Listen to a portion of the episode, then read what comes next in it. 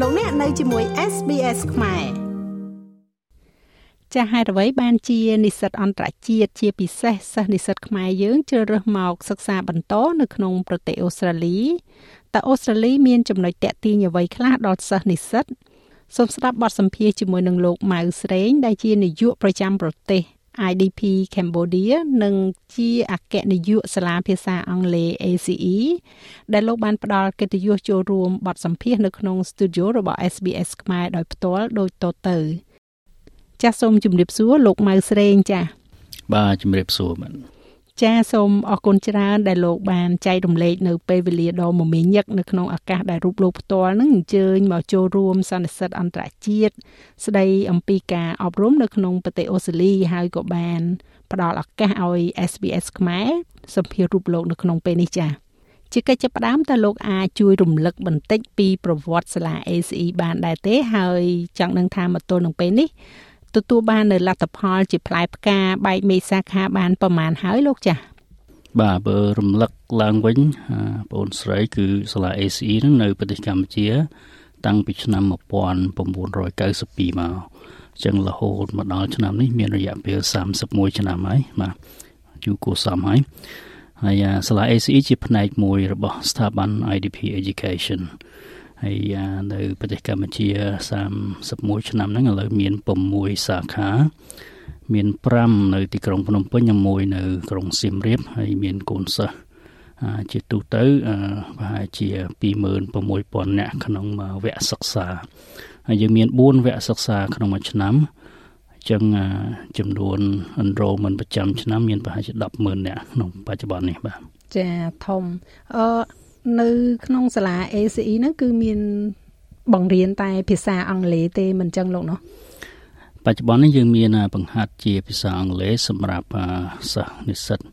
ពីអាយុ7ឆ្នាំរហូតដល់គាត់ដែលជាអ្នកសិក្សានៅសាកលវិទ្យាល័យឬក៏ធ្វើការធ្វើងារហើយដែរបាទហើយក៏មានផ្ដល់ជាការបដោះបដាលតាក់ទងទៅនឹងកម្មវិធីកុំព្យូទ័រខ្លះដែរបាទចា៎ ហើយមួយទៀតនោះពាក់ព័ន្ធជាមួយនឹងខាង IDP បើតាមយើងដឹងគឺជាទូទៅអត់ដឹងច្បាស់ថា IDP ធ្វើអីទេ ដឹងតែថា IDP ហ្នឹងមានរៀបចំ visa ឲ្យកូនសិស្សមករៀននៅអូស្ត្រាលីបាទអរគុណចំនួនសំដួរហ្នឹងហើយធ្លាប់មានអ្នកសួរច្រើនថា IDP អាចផ្ដល់ជំនួយឬសេវាកម្មយ៉ាងម៉េចខ្លះដល់សិស្សនិស្សិតឬក៏ណាព្យាបាលមួយចំនួនដែលគាត់មានម្ដងចង់ ពិចារណាទៅលើការសិក្សានៅបរទេសបាទណាបាទអញ្ចឹងស្ថាប័ន IDP គឺតំណាងឲ្យសាលាសកលវិទ្យាល័យនានានៅប្រទេសអូស្ត្រាលី នៅប្រទេសនូវែលសេឡង់នៅសហរដ្ឋអាមេរិកនៅកាណាដា នៅអង់គ្លេសហើយនិងប្រទេសអៀក្លង់6ប្រទេសបាទហើយយើងមានបុគ្គលិកដែលជាអ្នកជំនាញ ក្នុងការផ្ដល់ប្រឹក្សាយោបល់ក៏ដូចជារៀបចំឯកសារដាក់ពាក្យសុំចូលរៀនទៅតាមសាលាតាមសាកលវិទ្យាល័យនៅប្រទេសទាំង6ហ្នឹងហើយក៏ផ្ដល់ជាជំនួយមួយចំនួនក្នុងការដាក់ពាក្យសុំតតកាបាទហើយសេវានានាដែលតកតងទៅនឹងការចុះឈ្មោះចូលរៀនសុំចូលរៀននៅប្រទេសផ្សេងផ្សេងនេះគឺផ្ដល់ជូនដោយឥតគិតថ្លៃហើយសូមរំលឹកផងដែរថាស្ថាប័ន IDP ត្រូវបានបង្កើតឡើងជាដំបូង ក្នុងឆ្នាំ1969ជាង50ឆ្នាំមុនណាដោយរដ្ឋាភិបាលអូស្ត្រាលីហើយបច្ចុប្បន្នហ្នឹងក៏នៅតែគ្រប់គ្រងដោយស្ថាប័ននានាក្នុងប្រទេសអូស្ត្រាលីដែលជាសាកលវិទ្យាល័យហ្នឹងបាទក្នុងនោះមានសាកលវិទ្យាល័យ38ក្នុងចំណោមសាកលវិទ្យាល័យទាំងអស់នៅអូស្ត្រាលី39បាទចាអញ្ចឹងមានន័យថា IDP នៅប្រទេសកម្ពុជាយើងហ្នឹងក៏ស្ថិតនៅក្រោមការគ្រប់គ្រងរបស់អឺ សាកលវិទ្យាល័យក្នុងប្រទេសអូស្ត្រាលីដែរយើងអត់មានថាឯករាជ្យដាច់ដោយឡែកតែឯងទេណោះបាទ IDP រហូតដល់បច្ចុប្បន្ននេះមានសាខាចំនួនប្រហែលជា150សាខានៅទូទាំងពិភពលោក ក្នុងប្រទេសជាង30នៅក្នុងនោះមានប្រទេសកម្ពុជាផងដែរបាទអញ្ចឹងជាផ្នែកមួយរបស់ស្ថាប័ន IDP ទាំងមូលបាទហើយជាស្ថាប័នឈានមុខគេលើពិភពលោកក្នុងការផ្ដល់ជំនួយព័ត៌មានសេវាកម្ម សម្រាប់កូនសិស្សដែលចង់ទៅរៀននៅបរទេសបាទចាដូចជាមានការប្រឡងភាសាអង់គ្លេសនៅ IDP នឹងដែរឬក៏នៅខាង ACE វិញទេចា IDP ក៏ជាម្ចាស់មួយ ក្នុងចំណោមម្ចាស់ទាំង3របស់តេស្ត IELTS ភាគច្រើនស្គាល់ថាជាតេស្តសម្រាប់ប្រឡងដើម្បីចេញទៅសិក្សាឬក៏សុំអាហារូបករណ៍នៅបរទេសហ្នឹងតែ IELTS ហ្នឹងគឺគ្រប់គ្រងដោយស្ថាប័ន3 IDP Education 1 បាទ British Council នៅអង់គ្លេស2ហើយនិងសាកលវិទ្យាល័យ Cambridge នៅអង់គ្លេស3បាទហើយនៅប្រទេសកម្ពុជា IDP ក៏ផ្ដល់សេវាកម្មធ្វើតេស្ត IELTS នឹងផងដែរហើយក៏ផ្ដល់សេវាកម្មបង្រៀនភាសាតាមរយៈសាលារបស់យើងឈ្មោះ ACE នឹងផងដែរបាទបាទអញ្ចឹងតេស្ត IELTS សាលា ACE សេវាកម្មផ្ដល់ជូនសិស្សនិស្សិតឪពុកម្ដាយទៅលើការសិក្សានៅបរទេសហ្នឹងគឺស្ថិតនៅក្រោមស្ថាប័ន IDP តែមួយបាទចា អរគុណច្រើនលោកស្រីម៉ៅចាស់ហើយពាក់ព័ន្ធជាមួយនឹងការធ្វើតេស្តមកសិក្សាភាសាអង់គ្លេសការធ្វើតេស្តដើម្បីចេញមករៀននៅក្រៅប្រទេសហ្នឹងក្នុងនាមលោកផ្ទាល់ដែលកាន់កាប់ស្ថាប័ន IDP ដែលជួយរត់ការវាយើងនិយាយឲ្យស្រួលស្រាប់ណាជួយរត់ការឲ្យកូនសិស្សចេញមកសិក្សាក្រៅប្រទេសលោកយល់ឃើញយ៉ាងណាដែរព្រោះថាកាលពីមុនប្រទេសអូស្ត្រាលីធ្លាប់ជាយើងនិយាយថាមុនសម័យកូវីដធ្លាប់ជាគោលដៅមួយ សម្រាប់និស្សិតអន្តរជាតិដែលចង់មកសិក្សាតើនៅពេលនេះ ជាពិសេសផ្ដោតសំខាន់ទៅលើកូនសិស្សខ្មែរយើងផ្ទាល់តើអូស្ត្រាលីនៅតែជាគោលដៅដ៏ពេញនិយមមួយដែរទេឬក៏មានការងាករេទៅប្រទេសណាផ្សេងហើយលោកចា៎ក្នុងរយៈពេលថ្មីថ្មីនេះប្រទេសកម្ពុជាមានការរីកចម្រើនតាក់ទងទៅនឹងជំរើសនៃការសិក្សា នៅក្នុងស្រុកគុណភាពក៏មានការប្រសើរឡើងក៏ប៉ុន្តែក៏មានចំណូលចំណង់ចំណូលចិត្តរបស់ពុកម្ដាយកូនសិស្សមួយចំនួនចង់បានការសិក្សាប្រភេទមួយដែល នាំឲ្យគាត់ស្គាល់ពីវប្បធម៌ប្រពៃណីការរស់នៅនៅក្រៅប្រទេសអញ្ចឹងតម្រូវការក្នុងការសិក្សាមកក្រៅប្រទេសរួមទាំងប្រទេសអូស្ត្រាលីនឹងឃើញថាមានការលំបាកក្នុងរយៈពេល COVID ហ្នឹងដោយសារការបិទគប់ប្រទេសទប់ស្កាត់នៃការឆ្លងរីករាលដាលនៃមេរោគ COVID ក៏ប៉ុន្តែបន្ទាប់ពីធូរស្រាលចំពោះបញ្ហា COVID ហើយតម្រូវការមកក្រៅប្រទេសហ្នឹងមានការកើនឡើងខ្លាំង បើប្រៀបធៀបជាមួយនឹងមុន Covid ដូចបងស្រីលើកឡើងអញ្ចឹងបាទណាតែមុន Covid ឃើញមានសន្ទុះនៃការមកសិក្សានៅបរទេសដូចជាប្រទេសអូស្ត្រាលីនេះមានច្រើនហើយកំណើនហ្នឹងគឺនៅតែមានបន្ទាប់ពី Covid មកហើយបាទហើយកត្តាមួយចំនួនដែលធ្វើឲ្យកូនសិស្សជ្រើសយកប្រទេសអូស្ត្រាលីជាទិសដៅមួយក្នុងការបន្តការសិក្សាហ្នឹងគឺមានលក្ខខណ្ឌច្រើនក៏ប៉ុន្តែខ្ញុំសូមជំរាបជូនលក្ខខណ្ឌត្រួសត្រាស ទីមួយប្រទេសអូស្ត្រាលីអត់សូវឆ្ងាយ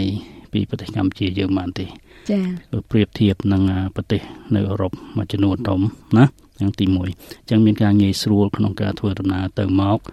សម្រាប់កូនសិស្សនិស្សិតខ្លួនឯងផង សម្រាប់សាច់ញាតិឪពុកម្ដាយផង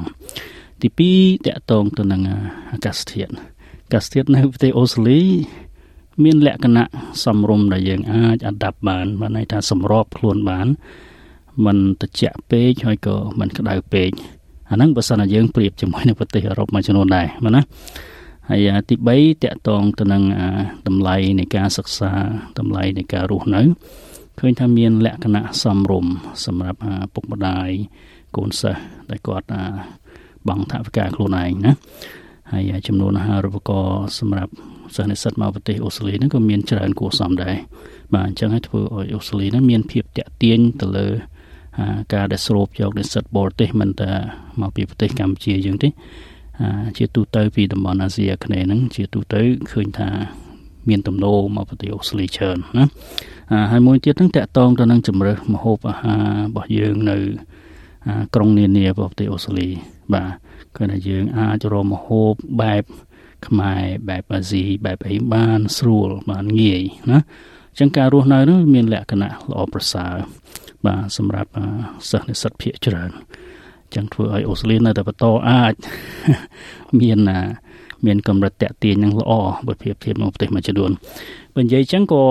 យើងឃើញទំនោរទៅប្រទេសផ្សេងផ្សេងហ្នឹងក៏មានការកើនឡើងដែរដូចជាប្រទេសអង់គ្លេសប្រទេសនូវែលសេឡង់ក៏មានការងើបឡើងនៃសន្ទុះនៃការចង់ទៅសិក្សាតាមរយៈ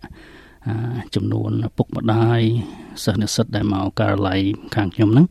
សួរព័ត៌មានណាហើយកាណាដាក៏ដូចគ្នាគាត់ថាចំនួនទៅកាណាដានៅចំនួនតិចប៉ុន្តែកាណាដាក្នុងរយៈពេលថ្មីថ្មីនេះដោយលោកលោកស្រីគាត់ជ្រាបហើយជាប្រទេសមួយដែលចង់ស្រូបទាញយកជំនាញហើយនឹងអ្នកដែលតើសិក្សាច្រើនហើយមានឱកាសដែលគេនឹងផ្ដល់ជូនជំរឿផ្សេងផ្សេងបន្ទាប់ពីសិក្សាហើយក៏ដូចជា លក្ខខណ្ឌមួយចំនួនដែលអាចសំរុះនៅបន្តបើសិនជាអាចបំពេញបាននៅតម្រូវការឬក៏លក្ខខណ្ឌមួយចំនួនរបស់ខាងអន្តរប្រវេសន៍របស់ប្រទេសកាណាដានឹងបាទចាมันខុសគ្នាពីប្រទេសអូស្ត្រាលីមែនទេអូស្ត្រាលីគឺថាក្រោយយើងរៀនចប់ហើយគឺយើងអាចដាក់ពាក្យសុំនៅបន្តអីអញ្ចឹងបានដែរឬមួយក៏យ៉ាងមិនដែរពាក់ព័ន្ធនឹងចំណុចហ្នឹងមានកូនសិស្សយើងច្រើនទេដែលគាត់ថាអឺគាត់ចេញមកសិក្សាដើម្បីក្នុងគោលបំណងថាគាត់អាច បន្តយក skill visa អីអញ្ចឹងតាមពិតទៅប្រទេសអូស្ត្រាលីបើប្រៀបធៀបជាមួយប្រទេសកាណាដានូវែលសេឡង់អង់គ្លេសឬក៏សហរដ្ឋអាមេរិកអូស្ត្រាលីសឹងតែឈានមុខគេផងទៅលើភាពបត់បែនហើយនឹងការផ្ដល់មធ្យោបាយហើយនឹងឱកាសដល់សិស្សនិស្សិតដែលមានសមត្ថភាពហើយដែលត្រូវនឹងតម្រូវការទីផ្សារការងារនៅប្រទេសអូស្ត្រាលីហ្នឹង បន្ទាប់ពីគាត់រៀនចប់ហើយបាទតាំងពីរាប់ឆ្នាំហើយតែថ្មីថ្មីនេះវាកាន់តែមានការលើកទឹកចិត្តថែមទៀតដោយមានការផ្ដល់ជា incentive ឬក៏ជាការផ្ដល់មធ្យោបាយដើម្បីឲ្យសិស្សនិស្សិតមួយចំនួនហ្នឹងគាត់អាចបន្តនៅបានមួយរយៈទៀតបន្ទាប់ពីគាត់បញ្ចប់ការសិក្សាហើយហ្នឹងហើយគាត់អាចប្រកបការងារដើម្បីបានថវិកាមកវិញ មួយចំនួនសម្រាប់តែអ្នកដែលគាត់ចំណាយថវិការៀនសូត្រខ្លួនគាត់ហ្នឹងបាទអញ្ចឹងនេះជាការលើកចិត្តបន្ថែមលើកទឹកចិត្តបន្ថែមទៀតសម្រាប់សម្រាប់សិស្សនិស្សិតដែលរៀនជំនាញដែលជាតម្រូវការរបស់ប្រទេសអូស្ត្រាលីតាក់ទងទៅនឹង labor market របស់យើងនេះនៅនៅប្រទេសអូស្ត្រាលីនេះបាទ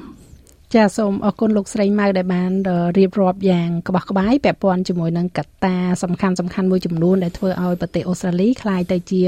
គោលដៅសិក្សាដ៏ពេញនិយមសម្រាប់និស្សិតអន្តរជាតិនៅក្នុងវគ្គក្រោយលោកលោកស្រីនៅនេះកញ្ញានឹងបានស្ដាប់ថាតើយើងគួរត្រៀមដោយម្ដេចខ្លះបើសិនជាយើងចង់ឲ្យកូនឬក៏កូនខ្លួនឯងផ្ទាល់ដែលបានស្ដាប់នៅបទសម្ភាសន៍នេះហើយថាគួរត្រៀមខ្លួនដោយម្ដេចខ្លះបើសិនជាពួកគាត់ចង់ចេញមកសិក្សានៅក្នុងប្រទេសអូស្ត្រាលីចា៎ ចង់ស្ដាប់រឿងក្រៅបែបនេះបន្ថែមទៀតទេ ស្ដាប់នៅលើ Apple Podcast Google Podcast Spotify ឬកម្មវិធីដទៃទៀតដែលលោកអ្នកមាន។